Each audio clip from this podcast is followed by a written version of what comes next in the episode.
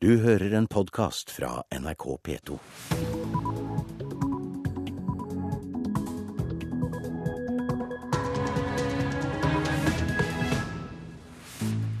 Da er klokka 6.30. Du hører på P2s Nyhetsmorgen, og det er fredag 27. januar i dag. Jeg heter Hege Holm, og dette er hovedsaker i nyhetene akkurat nå. SV på Vestlandet og i Trøndelag misliker forslaget om å kutte både standpunktkarakter og eksamen i norsk sidemål. Langt flere av de yngste velgerne brukte stemmeretten ved valget i høst. Denne økninga på 13 prosentpoeng, den, den, har vi altså ikke sett uh, tilsvarende i nyere norsk historie. Og kultur er avgjørende for menneskerettighetene. Det har Europarådet nå vedtatt. Men først i denne sendinga skal vi til USA, for innvandring og månebaser var blant temaene da de republikanske presidentkandidatene satte hverandre i stevne i natt. Og de møttes i Florida, for det er der den neste runden i det republikanske nominasjonsvalget skal foregå. Og nå begynner det å spisse seg til mellom Mitt Romney og Newt Gingrich. Flere analytikere mener at Gingrich er avhengig av et godt resultat i Florida for fortsatt å henge med, og det kan vel kanskje forklare månebaser månebasedebatten, USA-korrespondent Anders Tvegård? Ja, god morgen. Helt klart. Eh, NASA og romfart eh, har vært viktig for Florida. Og med den høye arbeidsledigheten og boligkrisa som utspiller seg i solskinnsstaten nå, så er slike tema ekstra aktuelle. Men det er ingen av de andre kandidatene på podiet, fire av dem nå, som støtter Gingrichs grandiose tanker om en permanent base på månen innen, innen åtte år. Mitt Romney beskylder Gingrich for å være en populist som trekker fram viktige saker for delstaten de kjemper i for øyeblikket, og viste til romfartsprogrammet. Rick Santorum sa at det er på tide å stikke fingeren i jorda, at det nå ikke handler om å bruke mer penger, men å kutte. Og Ron Paul fikk en gyllen mulighet til å si at de eneste han vil sende til månen nå, er enkelte politikere. Ja, og eh, Gingrich han anklaget jo Romney for å være innvandringsfiendtlig. Er innvandringsspørsmål eh, også et tema som eh, kan komme til å stå høyt på agendaen i valgkampen? Ja, og her haglet beskyldningene og, og, tilsvarende. og Det var den mest spennende debatten så langt i år, og kanskje også den viktigste, spesielt for Mitt Romney hvis han skal beholde favorittstempelet. Immigrasjon var et stort tema her i Florida, og er det også i, i andre stater. 11 millioner mennesker i USA uh, har ikke papirene i orden. De er, oppholder seg i USA ulovlig. Også forholdet til Cuba og Mellom-Amerika var sentralt i debatten. Det er mange i Florida med latinamerikansk eh, bakgrunn.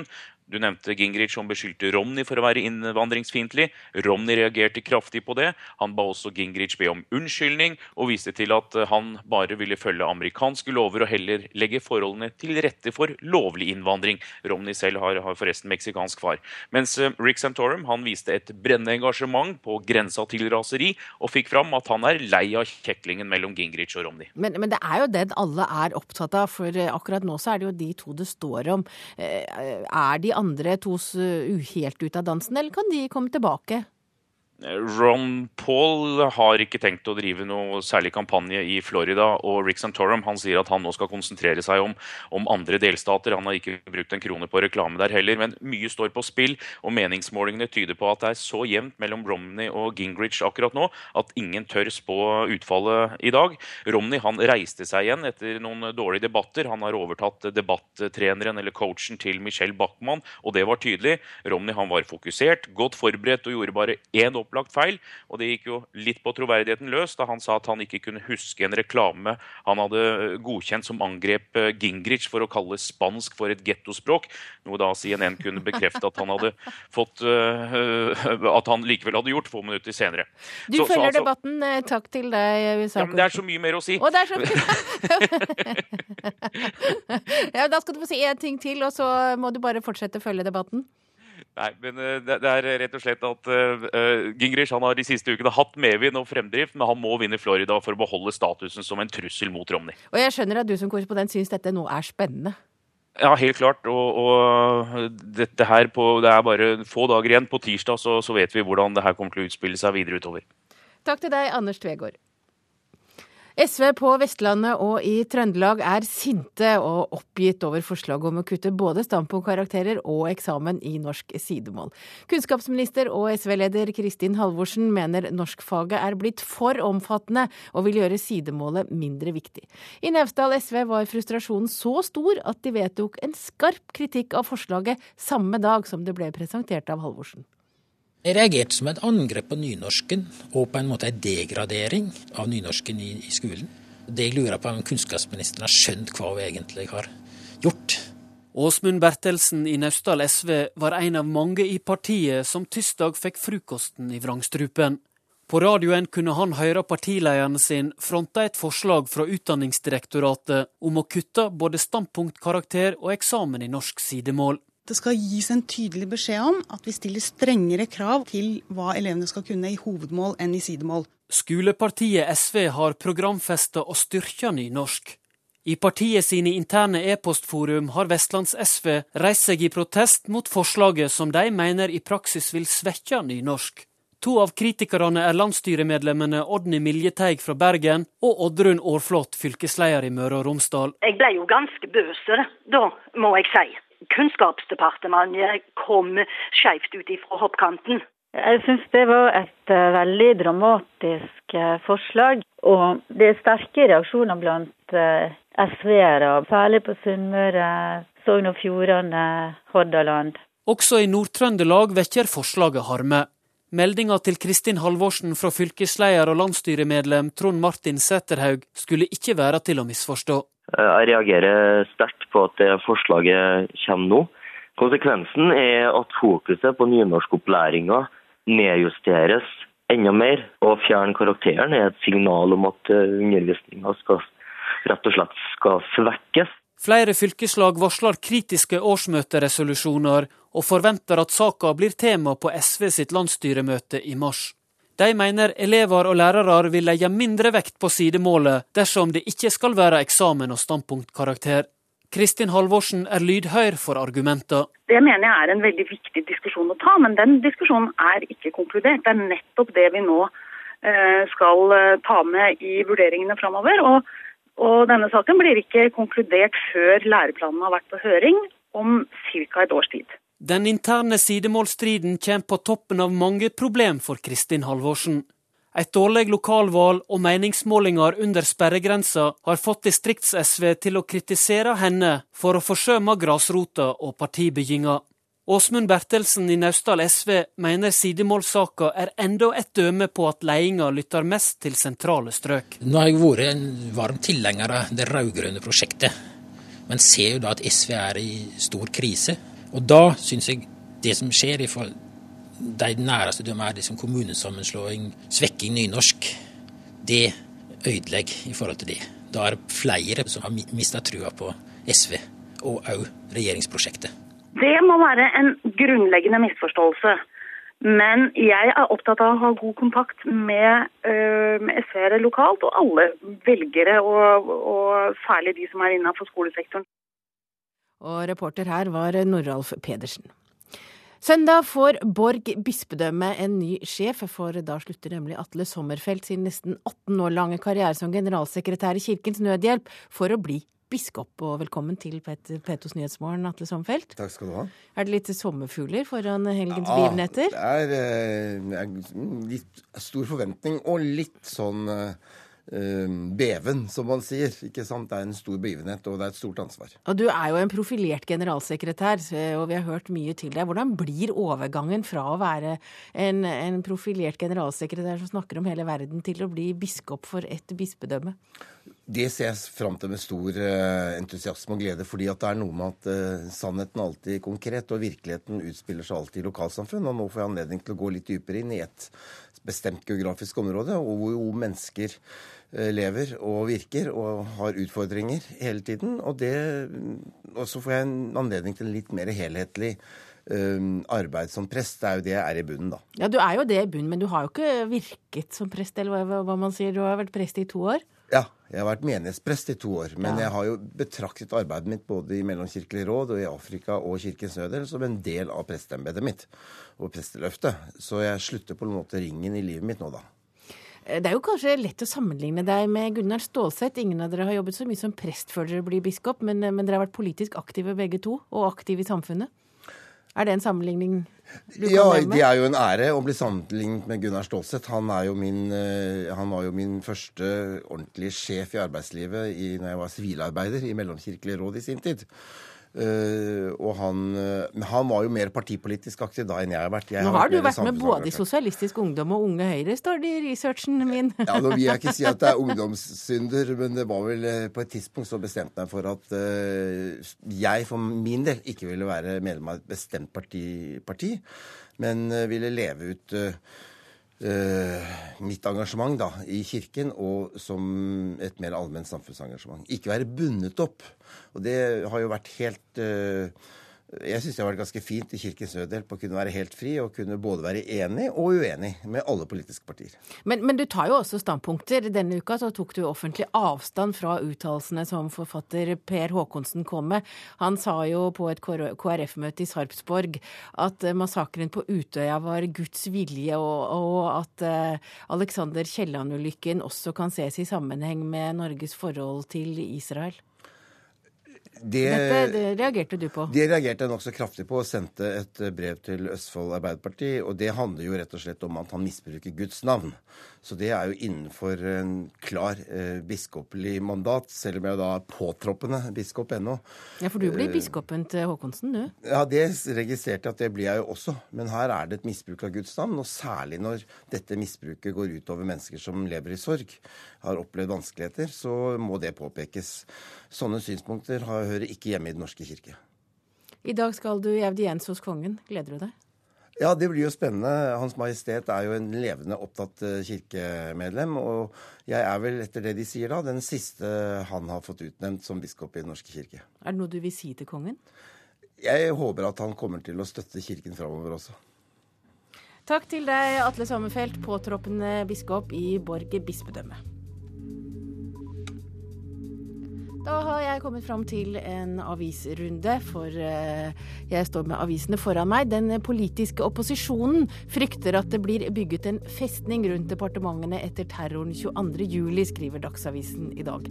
Nå skal alle departementene samles i Oslo sentrum, skriver avisen. Tre av fire i Jens Stoltenbergs rådgiverkorps har aldri hatt en vanlig jobb.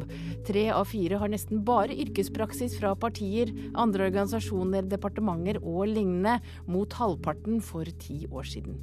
Dette er et problem når politikere har for svak forankring i det ikke-politiske liv, sier rektor ved Handelshøyskolen i Bergen, Viktor Normann, til Aftenposten. Stadig flere nabokrangler havner i konfliktrådet, skriver VG i dag. I fjor havnet 558 nabokrangler på konfliktrådets bord, mot i underkant av 400 året før. Klassekampen skriver at lyntoget kommer, men i sneglefart. Regjeringen åpner også for at private utbyggere kan bygge ut jernbanen. Næringslivets hovedorganisasjon vil ha mer penger til veier i storbyer i den neste nasjonale transportplanen. Det skriver Nasjonen på sin førsteside i dag. Avisen spør også om det går an å kalle trønderrocken til DDE for folkemusikk. Eks-milliardær Idar Vollevik flytter til Asia, slår Bergensavisen på sin førsteside fast i dag. Og Dagbladets førsteside er viet historien om Fredrik Alden Thorsen, som er med i serien Ingen grenser på NRK1. Han forteller om forholdet til sin far, som også er kortvokst. Dagens Næringsliv har også i dag Norwegians flykjøp på sin første side. Kjos betaler bare 1,5% i rente på flylånene. Han skal altså nå låne 60 milliarder kroner for å finansiere nye fly. Og dersom massedrapsmannen Anders Behring Breivik angrer og ber Gud om tilgivelse i tro, kan han få det og komme til himmelen, skriver Stavanger Aftenblad, som har snakket med alle biskopene.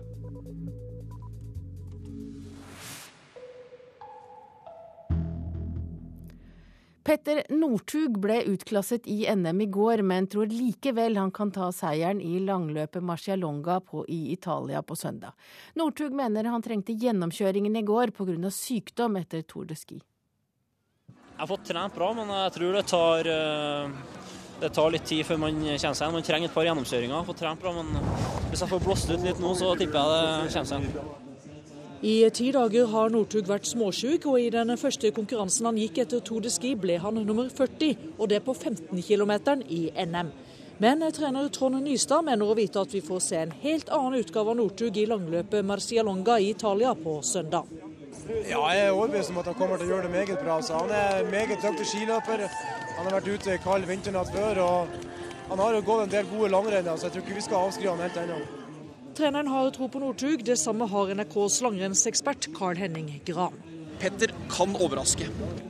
Heller ikke Northug er nevneverdig bekymret over at han ble utklasset i NM i går. Marcialonga blir nemlig en helt annen utfordring. Jeg gleder meg. Jeg gjør det. Jeg klarte å stake sju mil, så det gleder jeg meg til. Ja, Så får vi håpe det han vinner også, ikke bare gleder seg til å gå. Reporter var Inger Lise Hansen, og i dag er det altså sprintkonkurranse i NM på ski uten Petter Northug. NRK1 sender fra 12.45, og det blir rapporter i P1. Du hører på Nyhetsmorgen i NRK P2 og Alltid nyheter. Klokka er 6.45, og dette er hovedsaker i nyhetene. SV på Vestlandet og i Trøndelag misliker regjeringens forslag om kutt i sidemål. Mange flere ungdommer brukte stemmeretten ved valget i høst. Og følg med i sendingen der du får høre om det britiske ekteparet som mener at de ble kastet ut av en norsk fjellbygd. Langt flere av de yngste velgerne brukte stemmeretten ved valget i høst enn tidligere. Forskerne tror terrorangrepet mot politisk engasjert ungdom ble et argument for mange unge velgere. Jeg syns det var viktig å bruke min stemme for å si hva jeg selv mener. Slik tenkte flere unge enn på svært lenge. I lang tid har valgdeltakinga blant førstegangsvelgere vært svært låg. Ved førre kommunevalg stemte 33% av dem. I høst spratt det opp til nesten halvparten av dem. 46% stemte. Hadde det med Utøya å gjøre? Jeg ville ha stemt uansett, absolutt. Jeg syns jo det er spennende nå som er første gang jeg kan stemme, men det bidro jo. Denne økninga på 13 prosentpoeng, den, er, den har vi altså ikke sett uh, tilsvarende i nyere norsk historie. Forsker Guro Ødegård ved Institutt for samfunnsforskning sier terroren trolig var årsaka. Det er en episode som var spesiell uh, forut for valget, og det var 22.07. Jeg er veldig glad for å se at vi nå har fått ei sterkere valgdeltaking. Liv Signe Navarsete er statsråden som har ansvar for kommunevalget. Hun mener som forskerne at forsøkene med stemmerett for 16-åringer i en del kommuner også kan ha gitt høyere valgdeltaking blant unge. Hun mener først og fremst at den positive trenden i høst gir håp for framtida. Historien viser at de som har brukt røysteretten sin første gang, de gjør det òg i større grad seinere. Ja, og det sa Liv Signe Navarsete til reporter Håvard Grønli. Og AUF-leder Eskil Pedersen, du har kommet til studio. Blir du varm om hjertet når du hører slike tall? Ja, jeg gjør det. Og jeg tror vi var mange som var skuffa på valgdagen over at valgdeltakelsen ikke økte mer enn den gjorde. Men det var lyspunkt. Og det er klart at denne, dette tallet i seg selv, under halvparten, er kanskje ikke imponerende. Men økningen er imponerende, og det må vi ha med oss. Og Stoltenberg sa 22.07. at vi skulle møte angrepet med mer demokrati. Og det er én gruppe som har vist vei på mange områder, og det er ungdom. De har gjort det nå når vi ser disse tallene i, i valgdeltakelsen, men de har også gjort det ved å melde seg inn i hopetall i AUF og de andre ungdomspartiene. Ja, Så du er helt sikker på at det er sammenhengen mellom terrorangrepet 22.07. og den økende valgdeltakelsen, at det er det som er årsaken? Jeg vil nyansere det litt, fordi det har blitt sagt av mange forståsegpåere i mange år at, at, partipolitikken er død, og at ungdom ikke engasjerer seg i, i, i politikk lenger. Det er ikke det jeg har opplevd de åra jeg har vært aktiv i politikk. AUF og også de andre ungdomspartiene har hatt sterke medlemstall, mye aktivitet også før 22.07. Men det som 22. juli gjorde, tror jeg var at mange som, og mange ungdom da, som har sittet hjemme og hatt sterke meninger om ting, eh, endelig fikk den ekstra grunnen til å faktisk gjøre, uh, gjøre noe med det. Eh, gå og stemme, melde seg inn i et ungdomsparti. Eh, så at 22.07 juli hadde noe å si, det tror jeg. Eh, og det viser også tallene. Og hvis noe godt kan komme ut av det grusomme vi opplevde den dagen, så er det jo at enda flere stiller opp for demokratiet vårt. Men dere har også hatt en, en stor medlemsøkning i AUF. Hvor stor har den vært? Vi har økt fra eh, året før med omkring 45% altså en økning på nesten eh, halvparten på, på, et år. Eh, og vi har dobla oss eh, siden, siden, 2003. Så det er jo en stigende trend over mange år, men det er klart at særlig i fjor så, så var den økningen enorm. Eh, og vi ser at det er veldig mange ungdommer som har meldt seg inn, men som ikke bare har meldt seg inn, men som faktisk møter opp på møtene. Så det politiske engasjementet har rett og slett blitt større også blant de som er eh, som passeengasjerte og, og som er meldt inn? Jeg tror at det er veldig mange ungdommer, og det er sikkert også mange i dag som fortsatt ikke har tatt steget, eh, som eh, mener veldig mye om politikk. De vet bare ikke at det er politikk eh, de mener ting om. Eh, og det er jo vår store utfordring som Men Får dere ungdom til å komme på møter og uh, følge studiesirkler og Altså, jeg kommer på kurs rundt omkring i hele landet. Jeg var i, uh, Trondheim for, for, noen måneder siden. Der sitter det 160 stykker tente lys i en gymsal som skal være der hele helga og, og, lære om politikk. Så ja, svaret på det er ja. Det må være herlig for en AUF-leder? Det er fantastisk. Altså, jeg pleier å si nå at vi må tilbake til Håkon Lies tid for å finne like mye aktivitet. og jeg tror også at for mange andre ungdomspartier så er det på samme måte. Takk til deg, AUF-leder Eskil Pedersen. Det britiske ekteparet Hodgkinson ville realisere drømmen om å bo i en norsk fjellbygd, men drømmen ble et mareritt. Eiendommen ble tvangssolgt, og ekteparet følte at de regelrett ble kastet ut av landet. Nylig ble Paul Hodgkinson intervjuet av BBC. Suicidal, really. Um, the whole thing's completely ruined our lives. Um, You know, this is a, a government that gives out the Nobel Peace Prize. Um, I think it's a disgrace. På spørsmål fra en reporter fra BBC i Derbyshire, England, om hvordan han har det, svarer Paul Hodgkinson at han føler livet er ruinert til det suicidale. Han hadde ikke trodd at Norge, som deler ut Nobels fredspris, har brukt masse krefter på å kaste dem ut av landet. Da paret Hodgkinson kjøpte Ystesund på 730 dekar, var eiendommen definert som landbrukseiendom. Dermed er gården underlagt konsesjon, og vilkåret var at kjøper måtte oppfylle sammenhengende boplikt i minst fem år. Landbruksrådgiver i Fyresdal kommune, Elin Skåli, sier britene har fått all mulig informasjon underveis i prosessen. Ja, De har fått informasjon på engelsk, og de har fått beskjed om å, å og opplyst det vil si å få overta en landbrukseiendom her i Norge, og med det ja, krav til bo- og driveplikt når du får konsesjon. Men eh, det har vært veldig vanskelig å kommunisere. Da boplikten ikke ble overholdt, trakk kommunen konsesjonen tilbake. Frist for salg av gården i 2009 ble ikke overholdt.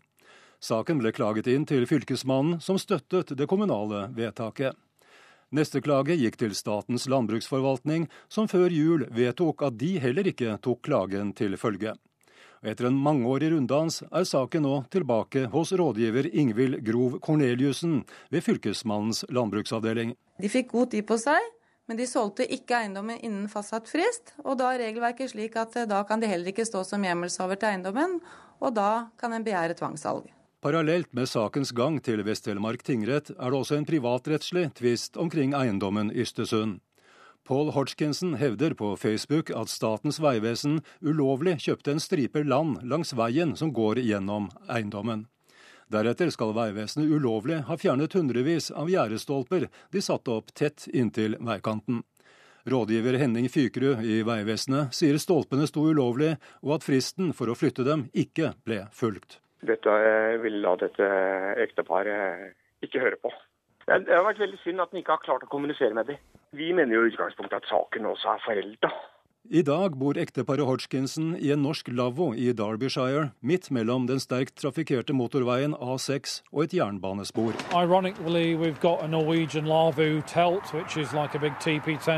It's got a wood burner in it, but it's not really suitable as a somewhere to sleep and live. Et lokalt medlem av det britiske parlamentet har engasjert seg, og Mr. Hodgkinson mobiliserer heftig via internett. På Facebook sammenlignes Norge med det afrikanske landet Zimbabwe, og det er sendt Twitter-meldinger til bl.a. kronprinsparet, statsminister Jens Stoltenberg, Dalai Lama, telemediemogulen Rupert Murdoch og den norske avdelingen av FN. En fortvilt Paul Hodgkinson sier til BBC at han aldri hadde forventet å oppleve en slik historie og han uttrykker stor usikkerhet og sterk skuffelse over måten paret er behandlet på av det norske byråkratiet. Instead of helping us, they've basically told us that uh, they're going to sell the farm. They haven't told us how, they haven't told us whether they get any money back, never expecting, you know, some saga like this. Mm. Ja ja. Reporter i innslaget var Børre Karterudseter. Kultur er avgjørende for menneskerettighetene, mener Europarådet. Store økonomiske vanskeligheter gjør at mange europeiske land for tiden kutter hardt i kulturbudsjettene, og nå legger imidlertid rådet press på sine 47 medlemsland for å få dem til å øke kultursatsingen.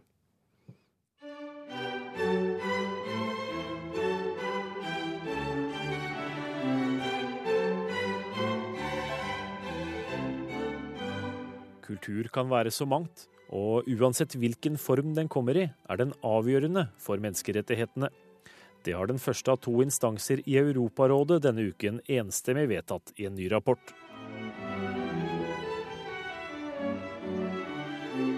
I rapporten slås det fast at kunst og kultur er avgjørende for at enkeltindivider får utvikle seg og bygge evne til kritisk tenkning og gjensidig forståelse.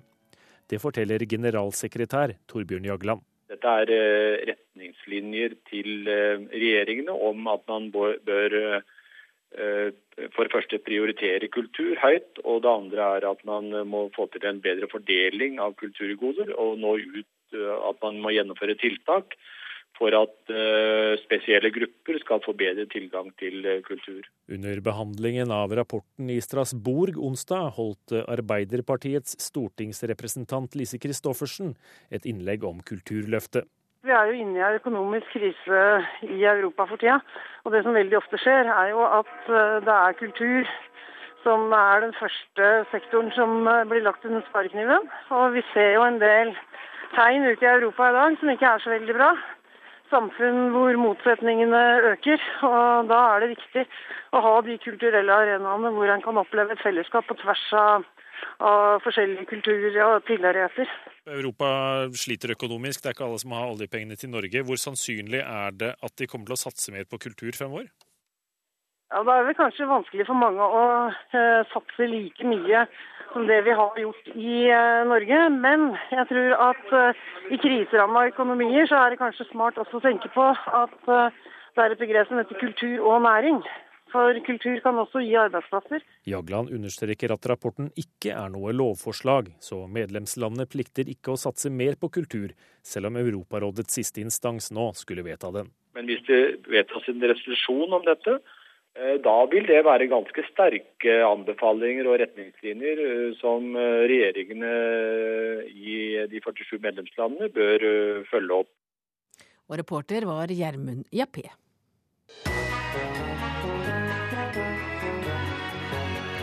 Utdanningsdirektoratet foreslår å fjerne karakterer i sidemål. Det brygger opp til språkstrid igjen, og språket har vi krangla om i nesten 130 år. Hvorfor er nordmenn så utrolig glade i å krangle om språk? Send dine språkspørsmål til Radioselskapet krøllafa nrk.no, så svarer ekspertisen på P2 etter Dagsnytt klokka 11. Da har vi kommet fram til et værvarsel som gjelder til midnatt. Fjellet i Sør-Norge sørøstlig kuling utsatte steder. Tidlig på dagen til dels storm i vest. I kveld minkende vind, litt snø, stort sett oppholdsvær i nordlige områder.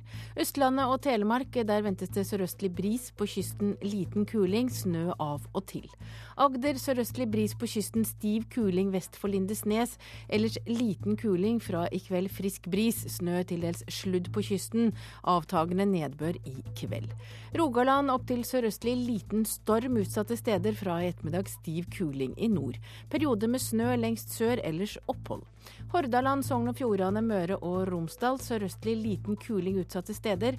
Sunnhordland, der kan du vente stiv kuling på kysten, og i morgentimene opp i sterk kuling. Trøndelag sørøst stiv kuling utsatte steder, sterk kuling på kysten i nord. Helgeland, Saltfjellet, Salten og Ofoten sørøstlig sterk kuling utsatte steder. Lokalt liten storm fra i kveld stiv kuling, litt snø i grensetraktene, ellers opphold.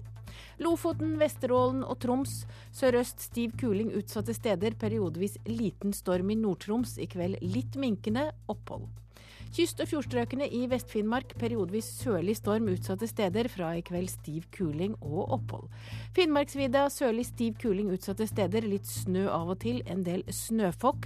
Og kyst- og fjordstrøkene i Øst-Finnmark sørvest eh, sterk kuling utsatte steder, opp til full storm i nordøst, i kveld minkende. Opphold og lokal snøfokk. Og så er det Spitsbergen. Sørøstlig senere sørlig stiv kuling utsatte steder, periodevis med sludd og regn. Og det var et værvarsel fram fram til midnatt.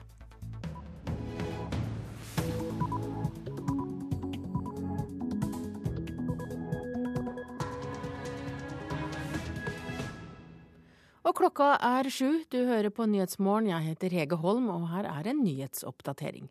SV på Vestlandet og i Trøndelag er i fyr og flamme over forslaget om å kutte både standpunktkarakterer og eksamen i norsk sidemål. Jeg reagerer sterkt på at det forslaget kommer nå. Konsekvensen er at fokuset på nynorskopplæringa nedjusteres enda mer. Og det sa Trond Martin Seterhaug, fylkesleder i Nord-Trøndelag SV. Langt flere av de yngste velgerne brukte stemmeretten ved valget i høst enn tidligere. Det er jo fortsatt slik at eh, unge stemmer i mindre grad enn voksne velgere. Men denne økninga på 13 prosentpoeng, den, den har vi altså ikke sett eh, tilsvarende i nyere norsk historie. Og det sa Guro Ødegård ved Institutt for samfunnsforskning. I Finland leder den konservative Sauli Niinstø klart på meningsmålingene foran andre runde av presidentvalget neste helg. Og menneskesmuglingen som ble avslørt i Telemark i går, henger trolig sammen med et større kriminelt albansk nettverk i Sverige, sier Odd Skei Kostveit i Telemarkspolitiet. Det er mye som uh, tyder på at det er uh, et uh, albansk miljø i Sverige som smugler albanere til England på denne måten. Og kultur er avgjørende for menneskerettighetene, det har Europarådet nå vedtatt. Nyhetsmorgen. Menneskesmuglingen som ble avslørt på havna i Breivik i Telemark i går, henger trolig sammen med et større kriminelt albansk nettverk i Sverige. Det mener politiet i Telemark. De har siden 2010 fulgt tett på et smuglernettverk hvor albanere smuglet fra Sverige via Norge til England. På havna i Brevik i Telemark prøver fire unge albanere å snike seg usett inn i en konteiner i går ettermiddag. Med seg bærer de soveposer, klær og mat. Den ulovlige turen inn i den mørke konteineren skal ta rundt 30 timer. De har et håp om å komme seg ulovlig inn i England på denne måten. Men noen ansatte på havna så dem, og i går dukket politiet opp. Ifølge politiet i Telemark skjer disse ulovlige smuglerferdene med jevne mellomrom fra Brevik. Politiet sier nå at mye tyder på at det er et kriminelt organisert nettverk av albanere i Sverige som står bak smuglingen. De har flere ganger tidligere pågrepet enkeltpersoner som har forsøkt å komme seg over på samme måte. Det sa operasjonsleder Gunnar Hansen i Telemark politidistrikt i går kveld. Nei, vi har sittet med opplysninger en periode på at slike ting foregår fra Brevik og over til England. Ferja de fire skulle vært om bord på, gikk videre i natt, og kommer frem i Immingham i England natt til i morgen. I stedet sitter de fire nå hos politiet i Telemark og skal i dag fremstilles for varetektsfengsling for brudd på utlendingsloven. Og det sa Ellen Borge Christoffersen, politiadvokat Odd Skei Kostveit ved Telemark politidistrikt. Dere har jo lenge fulgt med på denne smuglertrafikken. Hva er det som egentlig skjer eh, på havna i Brevik? Ja, Havna i Brevik er jo en eh, såkalt eh, ISPS-havn som har en del sikkerhetstiltak for å sikre at sånt noe ikke skal skje. Det som har skjedd likevel, og som er vanskelig å avverge helt, det er at personer sniker seg om bord i disse trailerne som er parkert her, og som skal fraktes til England. Hva slags erfaringer har dere med menneskesmuglingen? Ja, Vår erfaring er at dette skjer med jevne mellomrom, og, og, at det dessuten er organisert til en viss grad. Dvs. Si at det er kontaktpersoner i Sverige som tar seg av denne transporten fra Sverige til Norge, og som hjelper disse personene om bord i trallerne. Men det at dere følger med, det er altså ikke preventivt? Ja, Vi jobber jo sammen med både ferjeselskapet og havnemyndighetene for å forhindre dette. Og vi har et godt samarbeid med engelsk og svensk politi. og eh, det gjør nok at vi avdekker noe av det, men eh, det er vanskelig å, å være overalt alltid. Så eh, vi klarer ikke å avdekke eller stanse alt. Men har dere gjort pågripelser tidligere? Ja, Høsten 2010 pågrep vi to uh, albanere bosatt i Sverige og sikta de for uh, bistand til menneskesmugling. Uh, og så er det i den senere, eller etter den tid også pågrepet enkeltpersoner som er forsøkt smugla. Men nå må du forklare oss hvorfor Brevik havn er stedet der menneskesmuglingen til England skjer? Ja, det er jo sånn at eh, en, Noen nasjonaliteter har visumplikt for å komme inn i England, eh, eller ut av Schengen og inn i England. og eh, Da er det vanskelig å, å komme seg inn usett. Og Ferja fra Brevik er en av få, ganske få ferjer som går direkte til engelsk havn. Derfor er nok Brevik populær, kan man si. Hva gjør dere videre nå for å få Jeg vil jo tro at dere ønsker å få bukt med menneskesmuglingen? Ja, Vi fortsetter det samarbeidet vi har med, med havnemyndigheter og toll og, og, politi i andre land, og, og forsøker å avdekke bakmenn. Det er den, den, måten vi angriper eh, problemet på. Klarer dere det? Ja, til en viss grad så gjør vi det. Eh, det er jo litt avhengig av hva de enkeltsakene gir oss av informasjon, men det er i hvert fall det som er eh, målet for alle disse pågripelsene. Takk til deg, politiadvokat Odd Skei Kostveit ved Telemark politidistrikt. Høy arbeidsledighet og fattigdom og sosial uro er mye av grunnen til at unge albanske gutter, særlig fra distriktene i Albania, rømmer illegalt til England. Det sier Rasim Joka, som er albansk konfliktrådsleder. Han drar rundt på skoler og prøver å lære barn og unge å løse konflikter med ord, ikke med kniv og skytevåpen. England have Rasim Gyoka sier at det er minst to grunner til at albanske ungdommer drar illegalt til England. Det ene er at det er veldig strenge innvandringsregler i landet. Det andre er at det er et stort albansk miljø av innvandrere i England. Så selv om ungdommene oppholder seg ulovlig i landet, så vil de kunne få både arbeid og et bedre liv. Mange av de albanske ungdommene som kommer illegalt, kommer ifra distriktsområder der forholdene er vanskelige, både når det gjelder økonomi og levekår i det hele.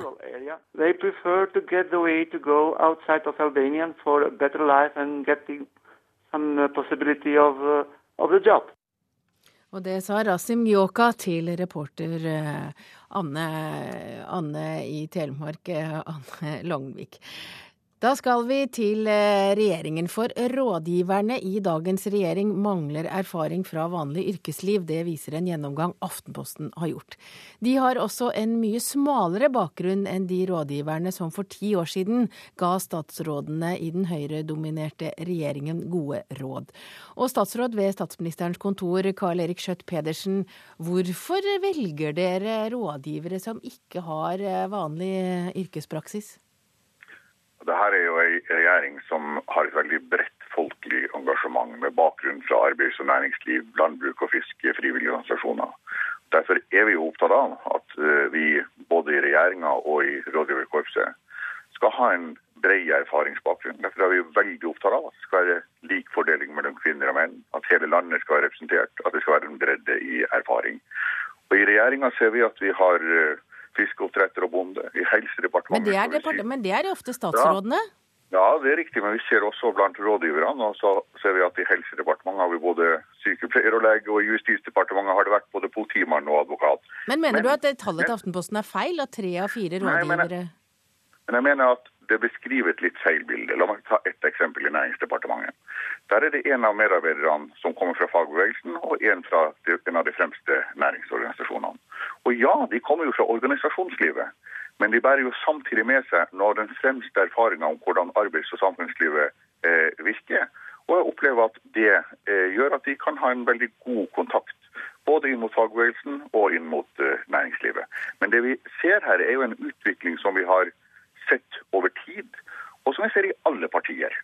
Og det er at det forventes at de som er politiske medarbeidere, skal kunne fungere i departementene og i rikspolitikken fra første dag. Og da må de være broilere, rett og slett? Nei, altså de skal kunne håndtere skal vi si, det rikspolitiske håndverket. Og da er det klart at da er det en unik erfaring hvis du har jobba på uh, partienes kontor og utforma politikken i mange år allerede, som nå skal settes ut i livet. At du har jobba i stortingsgruppa, vet uh, hvordan det politiske synspunktene er, hva det du skal ta i tak i, og hva du skal sette i verk i regjeringa.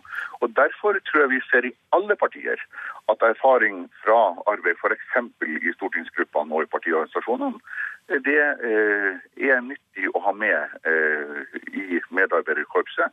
Og det ser vi også i denne regjeringa. Så du er ikke noe bekymret du over at de fleste til og med har De har jo også mange har den samme bakgrunnen, de har studert samfunnsfag og statsvitenskap. Og de kommer fra organisasjoner og partier. Jo, men jeg vil si at Det at Høyre-politikere er siviløkonomer som kommer fra privat næringsliv, og at Arbeiderpartipolitikere gjerne har en mer samfunnsretta utdanning og jobb i offentlig sektor, det er ikke noe nytt. Det har vi visst. Og det har litt bakgrunn av hva slags profil de enkelte partiene har. Men vi skal være opptatt av å ha en bredde i erfaringer.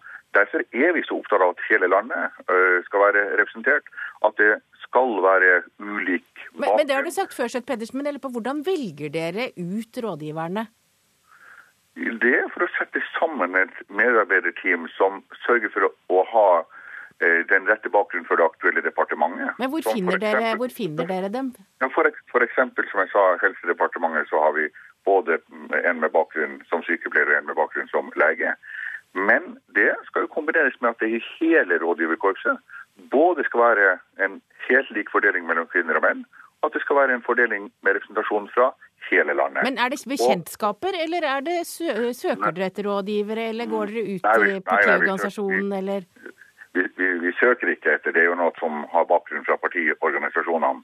Men Det er jo slik at De enkelte fylkene spiller inn kandidater som uh, gjør at vi prøver å sette det sammen på en sånn måte at det er representasjon fra alle deler av landet, uh, og med en uh, ulik bredde. Men i det arbeidet vil det jo veldig ofte være slik at departementene skal iverksette den politikken som er utforma i stortingsgruppa og i partiorganisasjonen. Og det at de som har vært med på utforming av den eh, politikken før man kommer i regjering, også blir med inn i regjeringsapparatet, det er vel egentlig ganske naturlig, og det gjelder alle partier. Det skjønner jeg. Takk til deg, Karl Erik Skjøtt Pedersen, statsråd ved statsministerens kontor, som overhodet ikke er bekymret over at tre av fire rådgivere ikke har erfaringer fra alminnelig yrkesliv. Da skal vi til Davos. Der er det nok også mange som eh, heller ikke har så mye erfaring fra alminnelig yrkesliv. Vi skal snakke om eh, konferansen i Davos, der eh, toppledere innenfor økonomi nå sitter sammen og diskuterer krisa i Europa. Og økonomimedarbeider Tore Tollersrud, i går hørte vi Storbritannias statsminister David Cameron si at Tyskland må gi betydelig mer ressurser og garantier for å bidra til å løse krisen i eurosonen. Hvilke reaksjoner har kommet på talen til Cameron? Ja, eh, det var vel særlig det punktet Cameron kom med der han mente at EU eh, e er i ferd med å innføre en skatt på finanstransaksjoner som Cameron omtalte som ren galskap. Cameron gikk altså så langt som nærmest å idiotforklare EU. Eh, e Og der kom det en meget skarp reaksjon fra EU-kommisjonen i går kveld. Cameron kom jo med en rekke påstander, bl.a. om at denne eh, finansskatten, som særlig Frankrikes Sarkozy har ivret for, vil koste 500 000 jobber og, eh, og føre til at inntekter for 200 milliarder euro blir borte. Men i går kveld så kom altså en talsmann fra eh, Brussel ut, gikk ut mot Cameron og sa at disse tallene i hvert fall ikke stammer fra EU selv.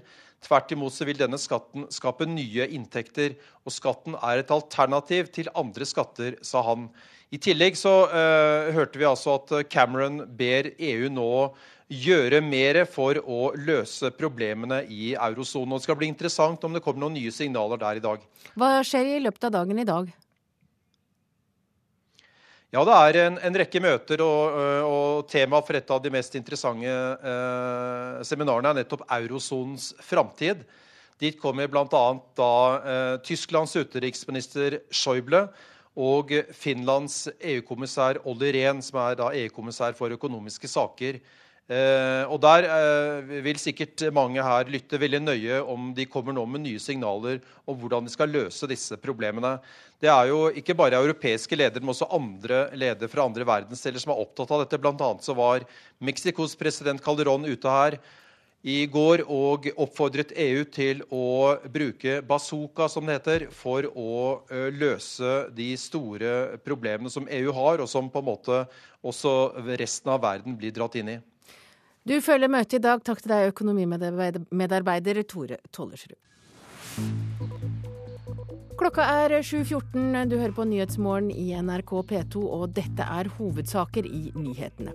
SV på Vestlandet og i Trøndelag er i fyr og flamme over forslaget om å kutte både standpunktkarakterer og eksamen i norske sidemål. I Finland leder den konservative Savli Ninistø klart på meningsmålingene foran andre runde av presidentvalget neste helg, og mange flere ungdommer bruker stemmeretten ved valget i høst.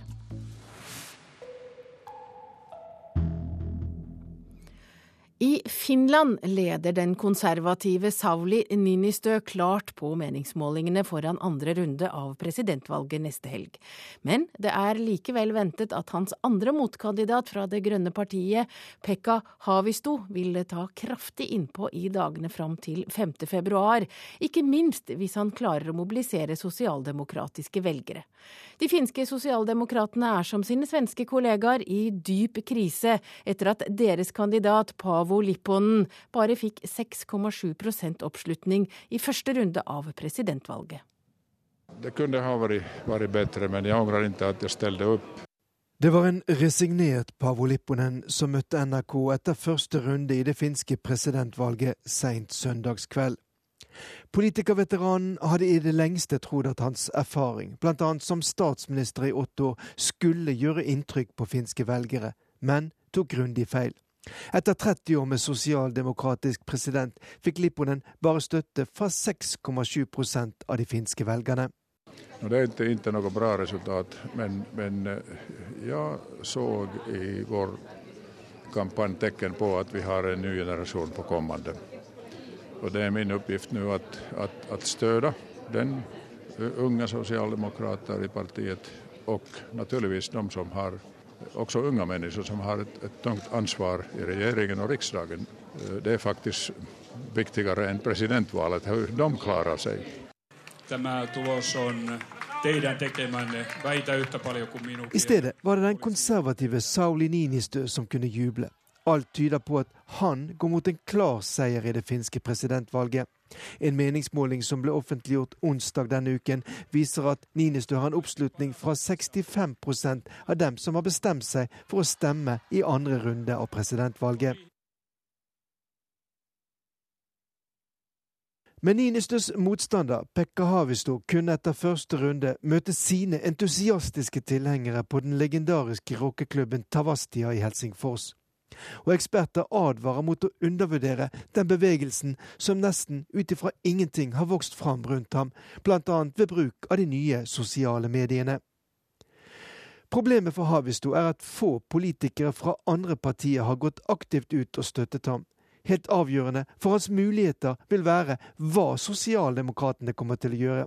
Men fra Pavo Lipponen kan Havisto ikke vente seg noen aktiv støtte. Kommer ikke støtte noen. Det det blir helt uinteressant i andre ronden Derfor at, at uh, Pekka Haavisto eller Verden har ingen chans mot Sauli Niinistö. Ja, men det er jo interessant hvem du støtter, er det ikke det hvilken signal du gir? Nå jo, men jeg, jeg, jeg undrer om jeg ens, ens kommer å titte på valgdebattene på TV.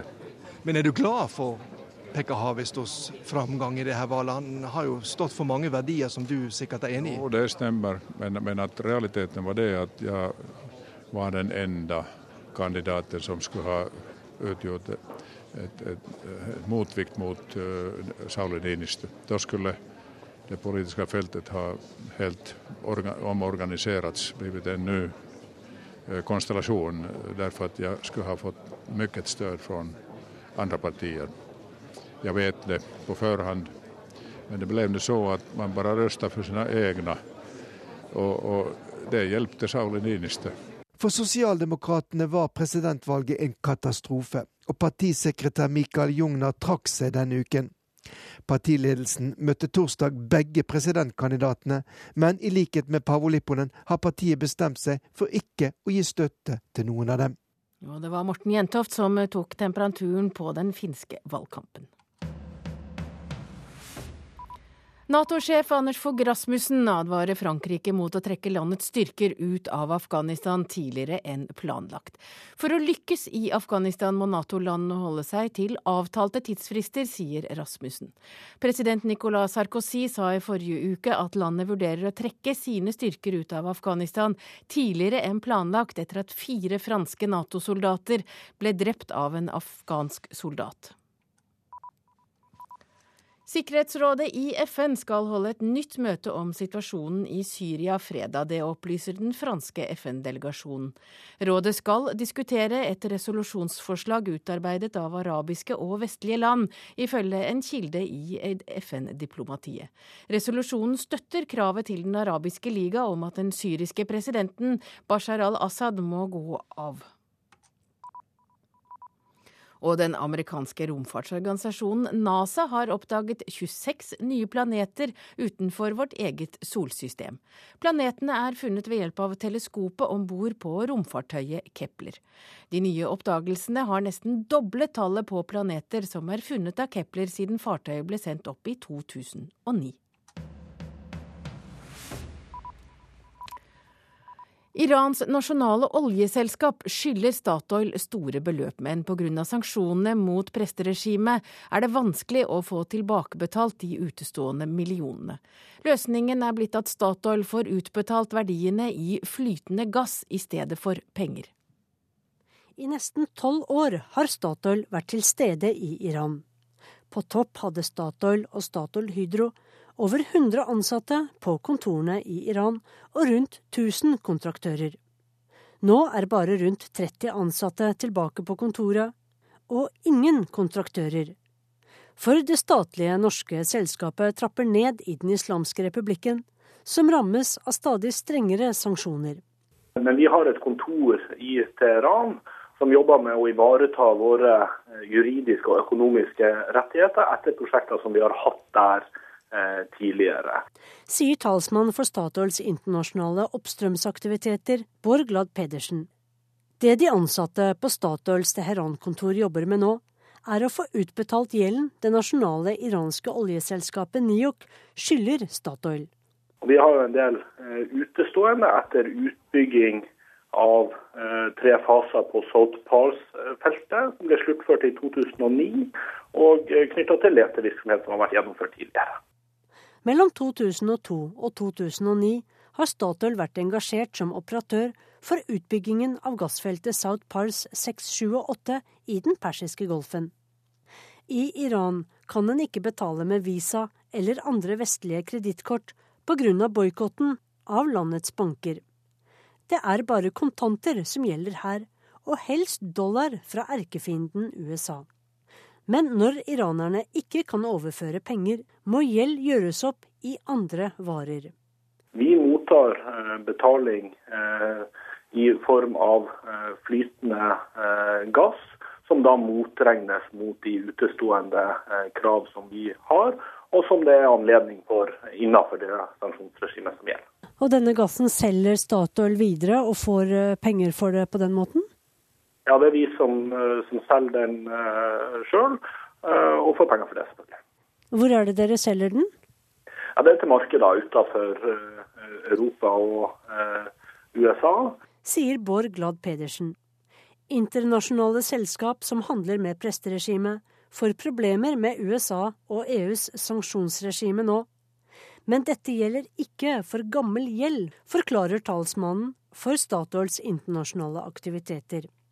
Og akkurat hvor mange millioner iranerne skylder Statoil, vil ikke Pedersen si til NRK. Er det rundt en halv milliard? Jeg ønsker ikke å uh, kommentere størrelsen på de tallene. Det er utestående fordringer knyttet til prosjekter som vi tidligere har vært involvert i, og som vi naturlig nok uh, krever inn i tråd med de avtalene som inngått. Ja, og det var det svaret Sissel Wold klarte å få ut av han. Og uh, nå skal vi se på dagens ferske aviser. Den politiske opposisjonen frykter at det blir bygget en festning rundt departementene etter terroren 22.07, skriver Dagsavisen. Tre av fire i Jens Stoltenbergs rådgiverkorps har aldri hatt en vanlig jobb. Det er et problem når politikere har for svak forankring i det ikke-politiske liv, sier rektor ved Handelshøyskolen i Bergen, Viktor Nordmann, til Aftenposten. Stadig flere nabokrangler havner i konfliktrådet, skriver VG i dag. I fjor havnet 558 nabokrangler på konfliktrådets bord, mot i underkant av 400 året før. Klassekampen skriver at lyntoget kommer, men i sneglefart. Næringslivets hovedorganisasjon vil ha mer penger til veier i storbyer det i den neste nasjonale transportplanen. Det skriver Nasjonen på sin første side i dag. Dagbladets første side er historien om Fredrik Alden Thorsen, som er med i TV-serien Ingen grenser på NRK1. Han forteller om forholdet til faren, som også er kortvokst. Dagens Næringsliv har også i dag Norwegians flykjøp på sin forside. Kjos betaler bare 1,5% i rente på de store flylånene. Og dersom massedrapsmannen Anders Behring Breivik angrer og ber Gud om tilgivelse i tro, kan han få det å komme til himmelen, skriver Stavanger Aftenblad. Aftenbladet har snakket med alle biskopene.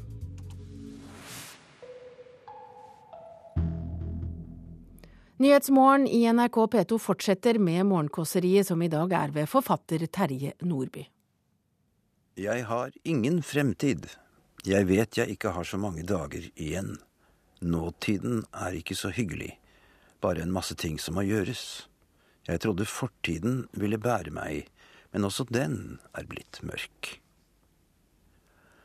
Omtrent slik er innholdet i andre vers av Leonard Cohens sang Darkness på hans nye album som kommer ut i disse dager. Den snart 80 år gamle salmedikteren for vår tid kretser igjen rundt temaene sinnets ensomhet og gyllenfargede fluktruter, jødisk mytologi, kvinners skjønnhet, den destruktive dynamikken i et kjærlighetsforhold, musikk, begjær, lys og mørke. Av og til hyller han forbilder som Lorca og Hank Williams senior, og det hender han kommer med en sjelden politisk kommentar. Fra krigen mot kaos, fra sirenene natt og dag, fra de hjemløses bål og fra de homofiles aske kommer demokratiet til USA. Og i hans anthem får vi et glimt av et livssyn. Hvert eneste hjerte vil komme frem til slutt, men som en flyktning. Det er en sprekk i alt som eksisterer. Det er der lyset kommer inn. Alt diktet med ord som man bruker år på å finne og varme opp og lade, og sunget med sin enestående, fløyelsmørke, sorgvarme stemme, som lokker oss dypt ned i sjelens katakomber. Det var det året vi fikk fargebilder fra Mars. Bob Dylan ga ut Desire, og de første meldingene kom fra National Academy of Science i USA om at spraybokser kanskje kunne forårsake ødeleggelser i atmosfærens ozonlag. Terroristen Ulrike Meinhof begikk selvmord i fengsel i Tyskland, Pol Pot tok makten i Phnom Penh, Jimmy Carter i USA og Oddvar Nordli i Norge. I april grunnla Steve Jobs et lite firma som ble kalt Apple. Jeg nevner alt dette bare for å illustrere at det er lenge siden. 1976. 29. mai. Leonard Cohen hadde sin første konsert på norsk jord. I et lokale han selv senere hadde problemer med å huske navnet på, men han mintes at det låt som en del av etiketten på en ganske god rødvin. Vel, det var Chateau Neuf han mente. Bygget av glass og stål og betong, designet for Det Norske Studentersamfunn, beliggende i Slemdalsveien i Oslo. Jeg satt på fjerde benk, litt til høyre for midten. Oppvarmer var den tapre, unge, ukjente Jan Eggum fra Bergen, som fikk lett utålmodig, men høflig og velment applaus. Så entret legenden scenen. Vi gispet ved synet og stønnet da det viste seg at han hadde samme stemme som på platene, begynte med Bird on a Wire, foredro om møte med Janis Joplin på Chelsea Hotel i New York, hindret ordensvernet i å hindre en jente i å komme opp på scenen og danse med det mildt manende Still Someone Dancing After All These Years. Fortsatte, fortsatte, Oh, the sisters of mercy, they are not departed or gone. Da, midt i Søstrene Mercy, ble det utrolig nok ringt inn en bombetrussel mot Chateau Neuf. Konserten måtte avbrytes og lokalet evakueres. Alt skjedde så fort som i en drøm. Noen av oss, kanskje de fleste, ble stående utenfor betonghuset og undre oss over om dette var virkelig. Cohen, syrinduften, bombetrusselen, alt. Da Leonard selv ble oppmerksom på at publikum slett ikke var godt, men fortsatt samlet bare utenfor istedenfor innenfor, kom han selv ut, stilte seg opp på plenen bak med kassegitar, kontrabassist og kor, og holdt en uoppfordret akustisk ekstrakonsert. Tonight will be fine. You are my sunshine. Og natten var lys og varm, og vi var unge og trodde livet skulle vare evig, og ante ingenting om det mørket han beskriver nå, 36 år senere. Det var Terje Nordby om Leonard Coven. Du hører på Nyhetsmorgen i NRK P2. Og etter Dagsnytt skal vi til Brasil, der det forberedes nå en sannhetskommisjon som skal avdekke hva som skjedde under militærdiktaturet i landet. Produsent for Nyhetsmorgen, Jean Erik Bjørnskaug. Jeg heter Hege Holm. Nå er det tid for Dagsnytt. Du hører en podkast fra NRK P2. Menneskesmuglinga fra Telemark er trolig organisert av et svensk-albansk kriminelt nettverk. Terroren i fjor fikk flere unge til å bruke røysteretten sin. Og distrikts-SV er forbanna over sidemålsutspillet fra Kristin Halvorsen. God morgen, her er NRK Dagsnytt klokka 7.30. Menneskesmuglinga som ble avslørt på havna i Brevik i Telemark i går, er altså trolig organisert av et større kriminelt albansk nettverk i Sverige. Det mener politiet i Telemark, som siden 2010 har fulgt med et smuglernettverk som smugler albanere fra Sverige via Norge til England. På havna i Brevik i Telemark prøver fire unge albanere å snike seg usett inn i en konteiner i går ettermiddag. Med seg bærer de soveposer, klær og mat. Den ulovlige turen inn i den mørke konteineren skal ta rundt 30 timer. De har et håp om å komme seg ulovlig inn i England på denne måten. Men noen ansatte på havna så dem, og i går dukket politiet opp. Ifølge politiet i Telemark skjer disse ulovlige smuglerferdene med jevne mellomrom fra Brevik. Politiet sier nå at mye tyder på at det er et kriminelt organisert nettverk av albanere i Sverige som står bak smuglingen. De har flere ganger tidligere pågrepet enkeltpersoner som har forsøkt å komme seg over på samme måte. Det sa operasjonsleder Gunnar Hansen i Telemark politidistrikt i går kveld. Nei, Vi har sittet med opplysninger en periode på at slike ting foregår fra Brevik og over til England. Ferja de fire skulle vært om bord på gikk videre i natt, og kommer frem i Immingham i England natt til i morgen. I stedet sitter de fire nå hos politiet i Telemark og skal i dag fremstilles for varetektsfengsling for brudd på utlendingsloven. Det sa reporter Ellenborg Christoffersen. Og eh, politiadvokat Odd Kostveit ved Telemark politidistrikt. Eh, politiet har altså kjent til denne menneskesmuglinga en stund. Hva er det som går føre seg på havna i Brevik? Ja, Det som skjer er at uh, albanere eller andre fra Balkan blir kjørt til stedet og blir, får bistand til å komme seg inn i havneområdet og inn i trailere. Hvorfor er det akkurat denne havna smuglerne har valgt seg ut? Det er eh, en av få eh, ferjeruter som går direkte fra Norge til eh, England med, med gods. Derfor er den aktuell. Men dersom de vet om at dette skjer, hva, hva gjør de for å få stoppa det? Politiet har et samarbeid med havnemyndighetene, med ferjeselskapet og med politiet i andre land for å forsøke å avverge dette så godt som mulig. Men vi klarer ikke å stanse all denne trafikken. Hvordan samarbeider det? Vi har samarbeidet om sikkerhetstiltak i havna, og, og vi har kontakt på etterretningsnivå og på saksnivå med både Sverige, England, og så er Kripos involvert fra Norge også. Takk skal du ha for at du var med, politiadvokat Oddskei Kostveit. Så skal vi høre at langt flere av de yngste velgerne nytter røysteretten sin ved valget i fjor høst enn det som har vært vanlig tidligere. Forskerne tror terroråtaker mot politisk engasjert ungdom ble et argument for mange unge velgere. Jeg syns det var viktig å bruke min stemme for å si hva jeg selv mener. Slik tenkte flere unge enn på svært lenge. I lang tid har valgdeltakinga blant førstegangsvelgere vært svært låg. Ved førre kommunevalg stemte 33% av dem. I høst spratt det opp til nesten halvparten av dem. 46% stemte. Hadde det med Utøya å gjøre? Jeg ville ha stemt uansett, absolutt. Jeg syns jo det er spennende nå som er første gang jeg kan stemme, men det bidro jo. Denne økninga på 13 prosentpoeng, den, den har vi altså ikke sett uh, tilsvarende i nyere norsk historie. Forsker Guro Ødegård ved Institutt for samfunnsforskning sier terroren trolig var årsaka. Det er en episode som var spesiell uh, forut for valget, og det var 22.07. Jeg er veldig glad for å se at vi nå har fått ei sterkere valgdeltaking. Liv Signe Navarsete er statsråden som har ansvar for kommunevalget. Hun mener som forskerne at forsøkene med stemmerett for 16-åringer i en del kommuner også kan ha gitt høyere valgdeltaking blant unge. Hun mener først og fremst at den positive trenden i høst gir håp for framtida. Historien viser at eh, de som eh, har brukt røysteretten sin eh, første gang, de gjør det òg i større grad seinere. Reporter Håvard Grønli. Båten til Jarle Andøy ble i går kveld observert av et fly fra tollstyresmaktene på New Zealand. Ifølge avisa New Zealand Herald sirkla flyet rundt seilbåten til Andøy i internasjonalt farvann. Flyet prøvde å få kontakt med mannskapet om bord, men ingen svarte på radiomeldingene. Andøy har sagt at han ville dra til Antarktis for å finne ut hva som skjedde da båten Berserk forliste i fjor. Han har ikke fått løyve til en slik ekspedisjon.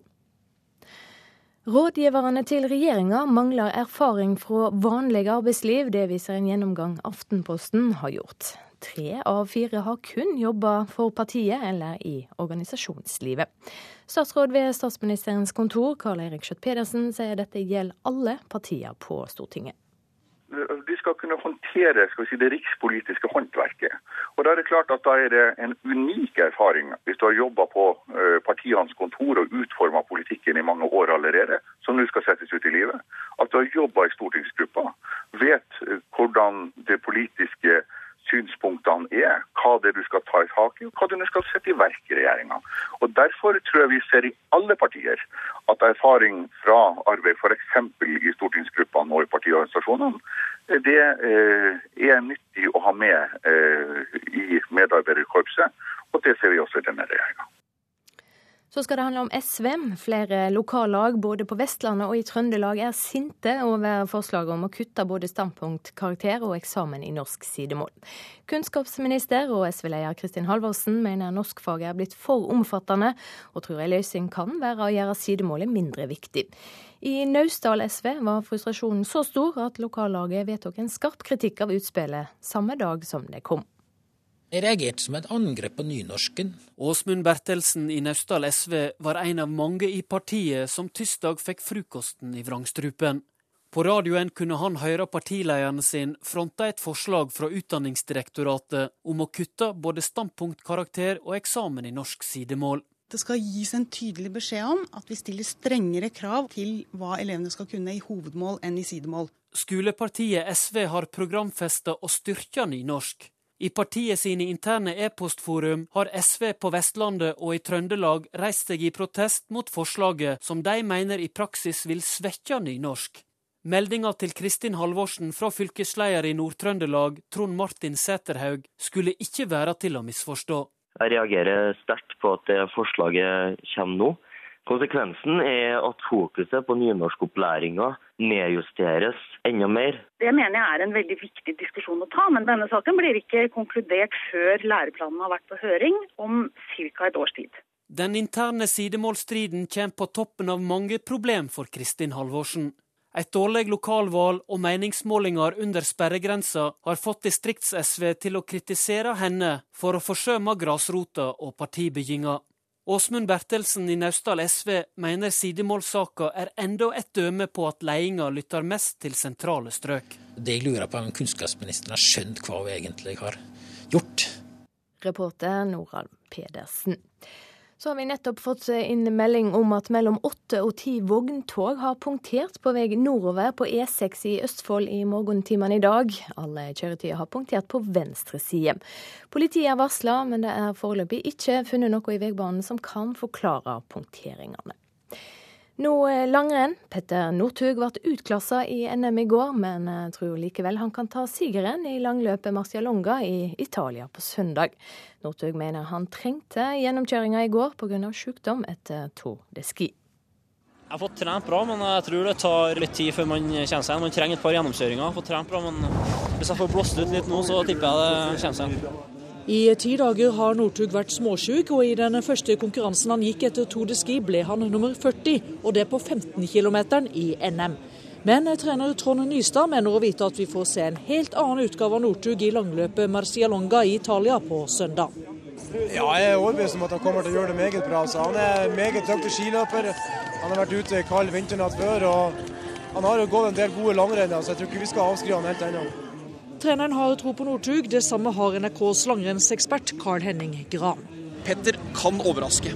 Heller ikke Northug er nevneverdig bekymret over at han ble utklasset i NM i går. Marcialonga blir nemlig en helt annen utfordring. Jeg gleder meg. Jeg gjør det. Jeg klarte å stake sju mil, så det gleder jeg meg til.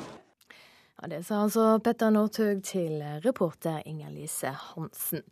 Og I dag er det sprintkonkurranser i NM på ski uten Petter Northug. NRK1 sender fra 12.45, og det blir også rapporter i P1. Ansvarlig for Dagsnytt denne morgenen, Erlend Rønneberg. Teknisk ansvarlig, Hanne Lunås. Her i studio, Silje Sande.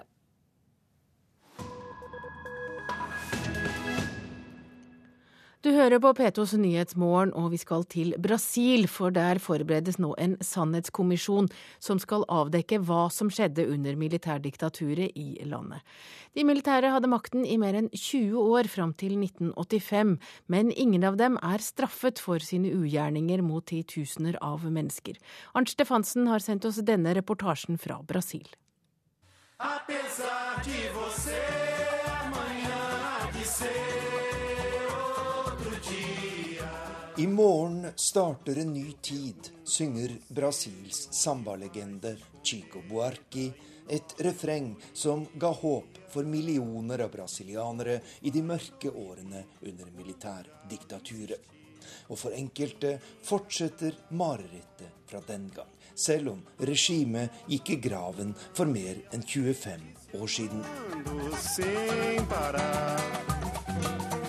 Jeg sitter på kontoret til Victoria Grabois, leder for organisasjonen Tortura Nunca Mais, aldri mer tortur, her i Rio de Janeiro. På veggen bak henne henger en stor plakat med bilder av rundt 80 kvinner og menn, alle ofre for militærregimet som styrte Brasil fra 1964 til 1985. Tre av ofrene var Victorias nærmeste familie. Hennes ektemann, far og bror. A morte er muito dura, mas a morte Døden og livet hører sammen, og selv om det er grusomt å se ens nærmeste dø, så fins det måter å bearbeide sorgen på. Mye verre er det når ens kjære bare forsvinner, blir tatt av et grusomt regime som ikke vil fortelle når, hvor og hvordan de døde, og ikke vil gi oss en grav å gå til.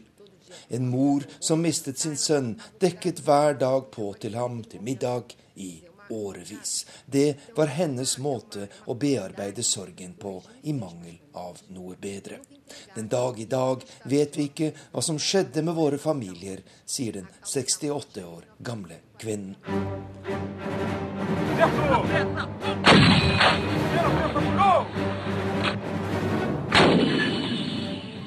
Mer enn 500 mennesker ble tatt av dage under Brasils militærregime.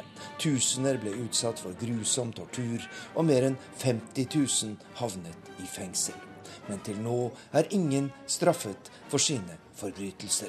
Før jul besluttet den brasilianske regjeringen å opprette en sannhetskommisjon som skal gi svar på hva som skjedde med regimets ofre. Og kommisjonen forbereder seg nå på å starte sitt arbeid. Men organisasjonen Aldri mer tortur har ingen store forventninger. Ela não vai ser uma verdadeira comissão da verdade. Ela vai ser uma comissão da meia-verdade. Dette blir ingen sannhetskommisjon, men en kommisjon for halvsannheter, sier Victoria Grabois. Den eneste grunnen til at myndighetene gjør dette, er at vi og andre menneskerettsgrupper har presset så hardt på og fått så mye internasjonal støtte. Brasil er et land med en mektig elite, der de militære har hatt og fortsatt har en veldig innflytelse. De har fått gjennom en amnestilov som har gjort det umulig å få noen av dem stilt for retten, sier lederen for organisasjonen Aldri mer tortur.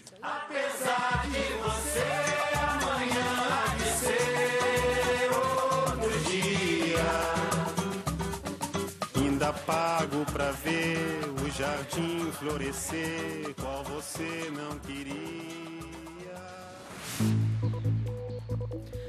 Klokka er snart kvart på åtte. Dette er hovedsaker i nyhetene. SV på Vestlandet og i Trøndelag misliker forslaget om å kutte både standpunktkarakter og eksamen i norsk sidemål. Langt flere av de yngste velgerne brukte stemmeretten ved valget i høst. Og menneskesmuglingen som ble avslørt i Telemark i går, er trolig en del av et større kriminelt albansk nettverk i Sverige.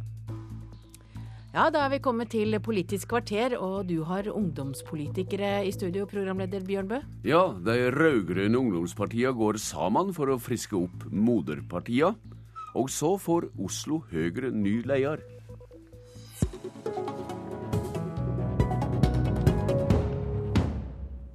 I dag skal de rød-grønne ungdomspartiene ha sitt første felles sentralstyremøte. De tar mål av seg til å presse moderpartiene til en politikk som kan sikre framhold av regjeringa etter 2013. Hva konkret er det moderpartiene trenger å friske seg opp på, leder i AUF, Eskil Pedersen? Vi skal jo hele tiden utfordre moderpartiene våre, både for å få mest mulig gjennomslag for det vi tror på, men fordi det er viktig at uh, en regjering som har sittet i, i seks år, åtte år når, når valget kommer, har nye kampsaker. Og hva er mest presserende? Nei, altså, Det tror jeg vil være litt forskjellig fra ungdomsparti til ungdomsparti. Vi er tre forskjellige ungdomsparti. Men for vår del så er det klart at det å sikre god, ambisiøs klimapolitikk fortsatt, det å sørge for at Eh, vi har en eh, asylpolitikk som er eh, ikke bare streng, men også en god porsjon rettferdig, er ting som er viktige for AUF. Og så er det hele tiden viktig å utfordre på, på godt gjennomslag for andre typer viktige ungdomssaker også. Du har nevnt klimapolitikk, og det er imot vikarbyrådirektivet. I disse sakene er det gjerne AUF som har lengst vei å gå i høve til moderpartiet? Ja, men så er også Arbeiderpartiet det største partiet i regjering om å ta ulike hensyn. Eh, men AUF har en lang tradisjon for å eh, jobbe for gjennomslag opp mot vårt eget parti, si fra de gangene vi også er uenige. Eh, og det som jo er positivt, er at vi har tre rød-grønne partier som har vist i seks år at vi kan være uenige om enkeltsaker, men vi kommer fram til felles politikk. Og blant ungdomspartiene så er det enda større enighet og lettere å komme fram til felles politikk. I Aftenposten i dag uttrykker du redsle for at Arbeiderpartiet vil bryte klimaforliket og klimameldinga, når den kommer, det er i det blå. Jeg har eh, sagt at jeg håper at vi får en ambisiøs eh, klimamelding, og deretter et eh, godt klimaforlik som er, stiller like store krav som, som det vi gjør i dag. Og Der er det bred tverrpolitisk enighet blant ungdomspartiene. Og så er det flere av oss som må jobbe for gjennomslag i våre moderpartier. Men vi har altså en regjering som styrer på, på det klimaforliket som ble inngått sist. Det er veldig ambisiøst. Og så jobber vi knallhardt for at vi får en like ambisiøs klimamelding med masse konkrete tiltak når den kommer. Leder i Unge Høyre, Henrik Asheim. Oppos opposisjonsungdommen har drevet med fellesmøte i årevis, i det siste også med Framstegsungdommen. I hva grad blir de rød-grønne farligere for dere når ungdomspartiene knyter nærere samband? Nei, De blir ikke så veldig mye farligere. Altså, Vi har gjort dette siden 2001, den forrige borgerlige regjeringen. og Det har vi gjort for å snakke sammen om vanskelige saker og bli enige om uh, forskjellige krav, akkurat som uh, Eskil sier. Jeg leste jo på bloggen til Sandra Borch, som er leder av Senterungdommen, uh, i går kveld, hvor hun slo fast at dette ikke er et møte fordi Senterungdommen sier nå klart fra at de vil ha en rød-grønn regjering etter 2013. Dette er et møte for å snakke om hva de skal gjøre frem til det, og at de skal ha en prosess internt. Så jeg tror nok at de blir ikke noe farligere. Tvert imot så tror jeg at det rød-grønne samarbeidet knaker mer og mer, mens de borgerlige ser ut til å bli mer og mer enige. Eh, så, så sånn sett så er jeg ganske beroliget. Pedersen? Altså, Jeg, jeg syns det er oppsiktsvekkende at de har holdt på med disse fellesmøtene på borgerlig side i ti år og ikke har kommet lenger. Eh, det er klart at eh, blant de rød-grønne ungdomspartiene så er det Uh, ulike synspunkter på en del saker, men vi er altså uh, ungdomspartiene til tre partier som faktisk sitter i regjering med et flertall bak seg, har gjort det i seks år. Uh, og jeg er ganske sikker på at vi også går til valg i 2013 på, på fortsatt rød-grønn regjering. Um, og så er det helt riktig at de ulike partiene skal ha sin prosess. Det er ikke noe nytt. Det er uh, det vi har hatt før hver eneste valg. Uh, men uh, vi er enige om mange ting, uenige om enkeltsaker. Men vi er grunnleggende enige om hvilken retning vi vil at Norge skal gå. Og det mener jeg er mer enn man kan si om ungdomspartiene på borgerlig side. Det er ikke sånn at det lyser en enighet av hva Venstre går til valg på og Fremskrittspartiet går til valg på. Eh, og utfordringa for de borgerlige ungdomspartiene er jo å få partiene til en gang å ville sitte i regjering sammen. Eh, KrF eh, har ikke tatt stilling til om de ønsker regjeringssamarbeid med, med Fremskrittspartiet. Vi vet at det er sterke krefter der som ikke ønsker det. Og det er mulig Venstre kommer til å åpne opp for det, men de er altså ikke enige om hvilken retning de vil at, at samfunnet skal gå. Så det er noe med at vi har ikke hatt felles sentralstyremøte, men vi sitter tross alt i regjering sammen og har klart å føre felles politikk. Henrik Asheim, det ungdomsorganisasjonene, alle ungdomsorganisasjonene bortsett fra Framstegsungdommen, har gjort et klimaforlik. Hva er felles politikk for de fleste ungdomsorganisasjonene, og hva er det som skiller dere? Mellom de borgerlige ungdomspartiene? Og de ja, Innenfor klima så er det at vi ønsker å sette uh, klare, klare, mål. Ja, vi ønsker å komme med en del tiltak som faktisk når de målene. Ja, dette er noe, Det er felles, uh, felles med de rød-grønne ungdommene. Ja, på dette området så har vi klart å bli enige. Men hva er det som skiller dere? Det er veldig mye som skiller oss. Og Jeg må bare si helt kort først at den, den, arrogansen som Arbeiderpartiet utviser nå, den viser jo hele problemet. Altså, Arbeiderpartiet har akkurat nå lekket uh, ufrivillig et notat hvor de sier at de skal distansere seg fra sine rød-grønne venner. I Høyre Nei, snakker vi sammenhengende om hvordan riktig. vi kan komme nærmere våre venner.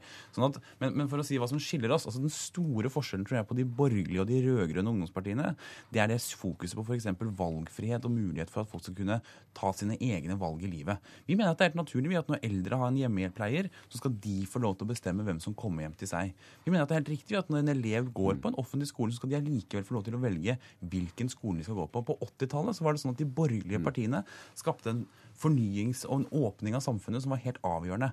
Nå tror jeg den er nødvendig i den offentlige sektoren. At det er sånn at vi faktisk krever valgfrihet selv om vi bruker offentlig sektor. Og det er her Arbeiderpartiet og de rød-grønne partiene henger etter. Altså, eh, Man kan godt finne enkeltsaker hvor de borgerlige eh, ungdomspartiene og partiene er enige, men poenget mitt er at det finnes så mange grunnleggende ting de er uenige om. Eh, KrF sier mm. at de eh, ikke ønsker eh, skattekutt. Tvert imot mener de at kanskje rike bør bidra med noe mer. Nå spurte jeg, om, spurte jeg om skillnadene mellom de rød-grønne og de andre. Ja, men det, er, men, men det, er, et skille mellom de rød-grønne og de borgerlige. At vi ikke ønsker skattekutt. Vi ønsker å bruke pengene på velferd. Der er f.eks. KrF enig med oss. Og på innvandring er det åpenbare store, store forskjeller i, i det grunnleggende synet på det flerkulturelle samfunnet mellom både Venstre og KrF på den ene siden og, og Fremskrittspartiet. Det er på en måte utfordringene som de må møte. Eh, og vi eh, går til valg eh, på at vi fortsatt skal ha rød-grønn regjering, og det er helt feil at vi har sagt at vi ønsker å distansere oss fra det rød-grønne. Tvert imot så står vi veldig trygt på det. I dag har vi hørt at valgdeltakinga blant unge auka ved valget sist høst. Her hører vi kommunalminister Liv Signe Navarsete fortelle hva hun synes om røysterett for 16-åringer. Det har ikke jeg konkludert endelig på. Jeg er mer positiv til det nå enn det var når jeg starta forsøket, det må jeg si. Eh, men det som, helt, eh, det som, er helt klart, er at vi har en gevinst å hente på ei enda bedre opplæring. Et større fokus og mer debatt eh, blant førstegangsvelgerne. Enten de velger å gå videre med forsøket, eller grensa vil bli værende på 18 år som i dag kommunalministeren der, Henrik Asheim, i hva grad bør reisterett for 16-åringer være ei kampsak for dykk? Vi har sagt ja til det forsøket som har vært nå. Eh, og Det er spennende å se på de resultatene. Men det vi ser er at det er store variasjoner på de resultatene. Jeg tror forskjellene ligger i hvem som har fått best oppfølging ute i kommunen også. Eh, så vi har ikke konkludert på det. Vi har ikke sagt ja til stemmerett for 16-åringer for alle. Vi mener at eh, naturlig er at det er myndighetsalderen som er 18 år. Er du like vankelmodig, Eskil Pedersen? Jeg er åpen for å se på stemmerett for 16-åringer. Vi har heller ikke gått inn for det eh, ennå. Men jeg synes at eh, de tallene vi bl.a. har fått i dag, er veldig oppløftende. Og jeg tror det handler om at uh, ungdom som uh, eh, bor hjemme i den hjemkommunen, særlig et eh, lokalvalg, har lettere for å faktisk bruke stemmeretten enn en de som har kanskje flytta til andre byer for å studere. og Derfor så mener jeg definitivt at vi skal se på det som et ledd i å få flere ungdom til å stille opp for demokratiet. Pedersen, hva slags resolusjoner kan vi vente fra det rød-grønne fellesmøtet i dag? Dette her er jo ikke en PR-jippo. Dette her er eh, å sette seg ned rundt et bord eh, og snakke om hvilke saker vi faktisk eh, ønsker å samarbeide om. Vi vet at vi er enige om veldig mange saker. Så det blir noe problem å finne de, men vi skal først prate, og så skal jeg fortelle deg seinere hvilke saker vi har kommet fram til. Takk til dere, Eskil Pedersen og Henrik Asheim.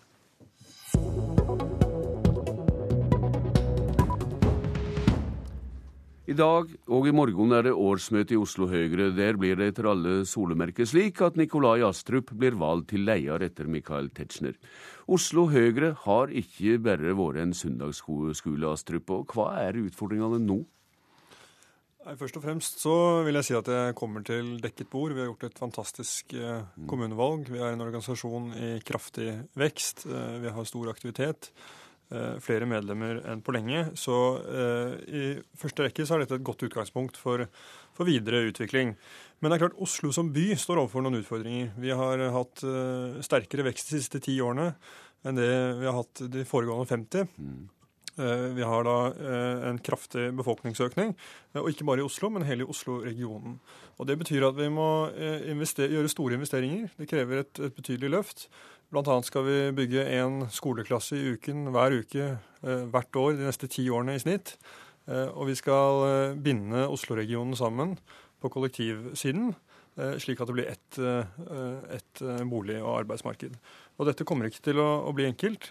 Og, blant annet skal, og vi skal bygge 100 000 mm. boliger. Et sted må man bo eh, i Oslo eh, når veksten er så sterk eh, de neste 20 årene. Hva krav har du da til kommunalminister Navarsete om mer av kommunepotten i landet til Oslo for å møte sentraliseringa? Nei, det er klart at eh, Når vi har så sterk vekst i Oslo-regionen, så må vi også finansiere helt ekstraordinære eh, løft. Eh, og det betyr at staten også må bidra. Eh, Jeg er spesielt opptatt av at staten må bidra på jernbane og kollektivtransport i og rundt de store byene i Norge. Dette gjelder jo ikke bare Oslo, eh, men det gjelder Oslo i særlig grad. Og vi vet jo at det er 200 000 mennesker som pendler inn til Oslo hver dag, og de bruker stort sett bil. Eh, dessverre. De, i Oslo, de som bor i Oslo, de reiser kollektivt. Tre av fire av dem. Mens bor du i Akershus, så er det én av fire som reiser kollektivt. Her så... trenger vi eh, mer enn det kommunen kan stille opp med alene. Men sier du da at en skal tenke mer på sentrale strøk enn på utkantene, som sliter med sitt? Nei, jeg tror man må se det sånn at Oslos utfordringer også er resten av landets utfordringer, og vice versa. Uh, når, en, når en trailer som skal fra Ålesund til Stavanger, kjører via Oslo, Eh, så er det en utfordring for Oslo at veiene på Vestlandet ikke er gode nok. Men det er også en utfordring for Vestlandet hvis ikke mm. Oslo fungerer som hovedstadsregion. Oslo Høyre har til tider vært sterkt skeptisk, for å si det varsomt, til Erna Solberg som leder i Høyre. Hvordan ser du på den historien? Jeg tar utgangspunkt i at eh, vi har et veldig godt forhold til Erna Solberg i dag. Ja, men jeg spurte om eh, historien. Det har vi tenkt til å fortsette å ha. Eh, og Oslo Høyre er et stort fylkeslag. Vi har ambisjoner om å spille en politisk rolle, i samarbeid selvfølgelig med de andre fylkeslagene. Og, og, det er jeg sikker på at vi skal få til. Og så er jeg mer opptatt av å se fremover enn å se tilbake. Hva slags grums ser du i Oslo Høyre, da, som du ønsker å gjøre noe med? Nei, jeg, jeg, mener at du nå setter det litt på spissen. Jeg, jeg syns ikke det er eh, verken en ukultur eller grums i Oslo Høyre, som du uttrykker det. Tvert imot så har vi en sterk eh, organisasjon eh, med mange tydelige talspersoner eh, som ønsker å bidra politisk, og det er sånn det skal være. Er stønaden til en partileder som ikke er fra Oslo, avhengig av styrken på meningsmålinger, rett og slett? Nei, eh, og jeg vil jo si at det er litt overdrevet, denne konflikten mellom Oslo Høyre og Høyre som du forsøker å trekke opp. Eh, jeg mener at vi har i mange år hatt et godt samarbeid med Høyres sentralt. Så er det i noen saker at vi har vært uenige. Datalagringsdirektivet var et eksempel. Men nettopp den type politisk uenighet må det jo være lov til å ha i et parti. Og spesielt nå fremover hvor vi skal lage nytt program for neste stortingsperiode, så vil det sikkert bli områder hvor det er uenigheter internt eh, i Høyre. Og det skal det også være i en programprosess. Når du, når du da etter alt å dømme blir leder i Oslo Høyre, hva er dine utfordringer til landspartiet Høyre? Nei, eh, jeg er opptatt av Vel, jeg mener jo at vi har gjort en veldig fornuftig kursendring i partiet. Eh, vi har fått frem flere sider av vår politikk, og jeg mener at vi skal fortsette den kursen. Eh, og så skal Oslo Høyre være en konstruktiv medspiller i å videreutvikle vår politikk og forberede partiet på at vi forhåpentligvis kommer i regjering etter 2013. I Oslo har det samarbeid med Fremskrittspartiet i byrådet. Nå samarbeider med sentrumspartiene. Hva er verst? du, det er, det er, jo sånn at uh, man, man, uh, man, er jo klar over at det, det, er, det, er, en grunn til at man er ulike partier. Men vi samarbeider veldig godt både mot sentrum og med Fremskrittspartiet. Vi har nå i 14 år sørget for at det har vært et borgerlig byråd i Oslo, og det har vi tenkt til å fortsette med. Og det har vi gjort fordi Høyre har sagt at det spiller ingen rolle hvem vi samarbeider med, men hva vi samarbeider om, og at vi tar med de som ønsker å være med. Og det har fungert eh, utmerket. Eh, og det er de fire borgerlige partiene som står sammen eh, om å føre en borgerlig politikk, uavhengig av hvilke partier som til enhver tid sitter i byrådet. Mener du det er lærdommer å dra til riksplan her? Jeg mener at det er et godt eksempel på vellykket borgerlig samarbeid. Når vi har klart å mm. sitte med makten siden 1997 med skiftende konstellasjoner. Og, hele, og skiftende persongalleri, må en si. Og skiftende persongalleri, men hele tiden med stø kurs. Uh, og det er jo til inspirasjon uh, også nasjonalt. Mm. Hvor sterk er lyntogsentusiasmen i Oslo Høyre? For oss er det uh, viktig at vi prioriterer samferdselsutfordringene i, i, og rundt de store byene, altså intercitytriangelet. At vi bygger ut dobbeltspor først. Men det er helt i tråd med i og for seg det også Høyres, Høyre sentralt mener. Men vi er helt nødt til å gjøre noe med tempoet i utbyggingen. Når det tar tolv år og koster 12 milliarder å bygge noen få kilometer med dobbeltspor fra Oslo til Ski, så har vi noen grunnleggende utfordringer som vi må løse. Takk til lege Nikolai Astrup. Politisk kvarter er slutt. Jeg heter Bjørn Bø. Du har hørt en podkast fra NRK P2.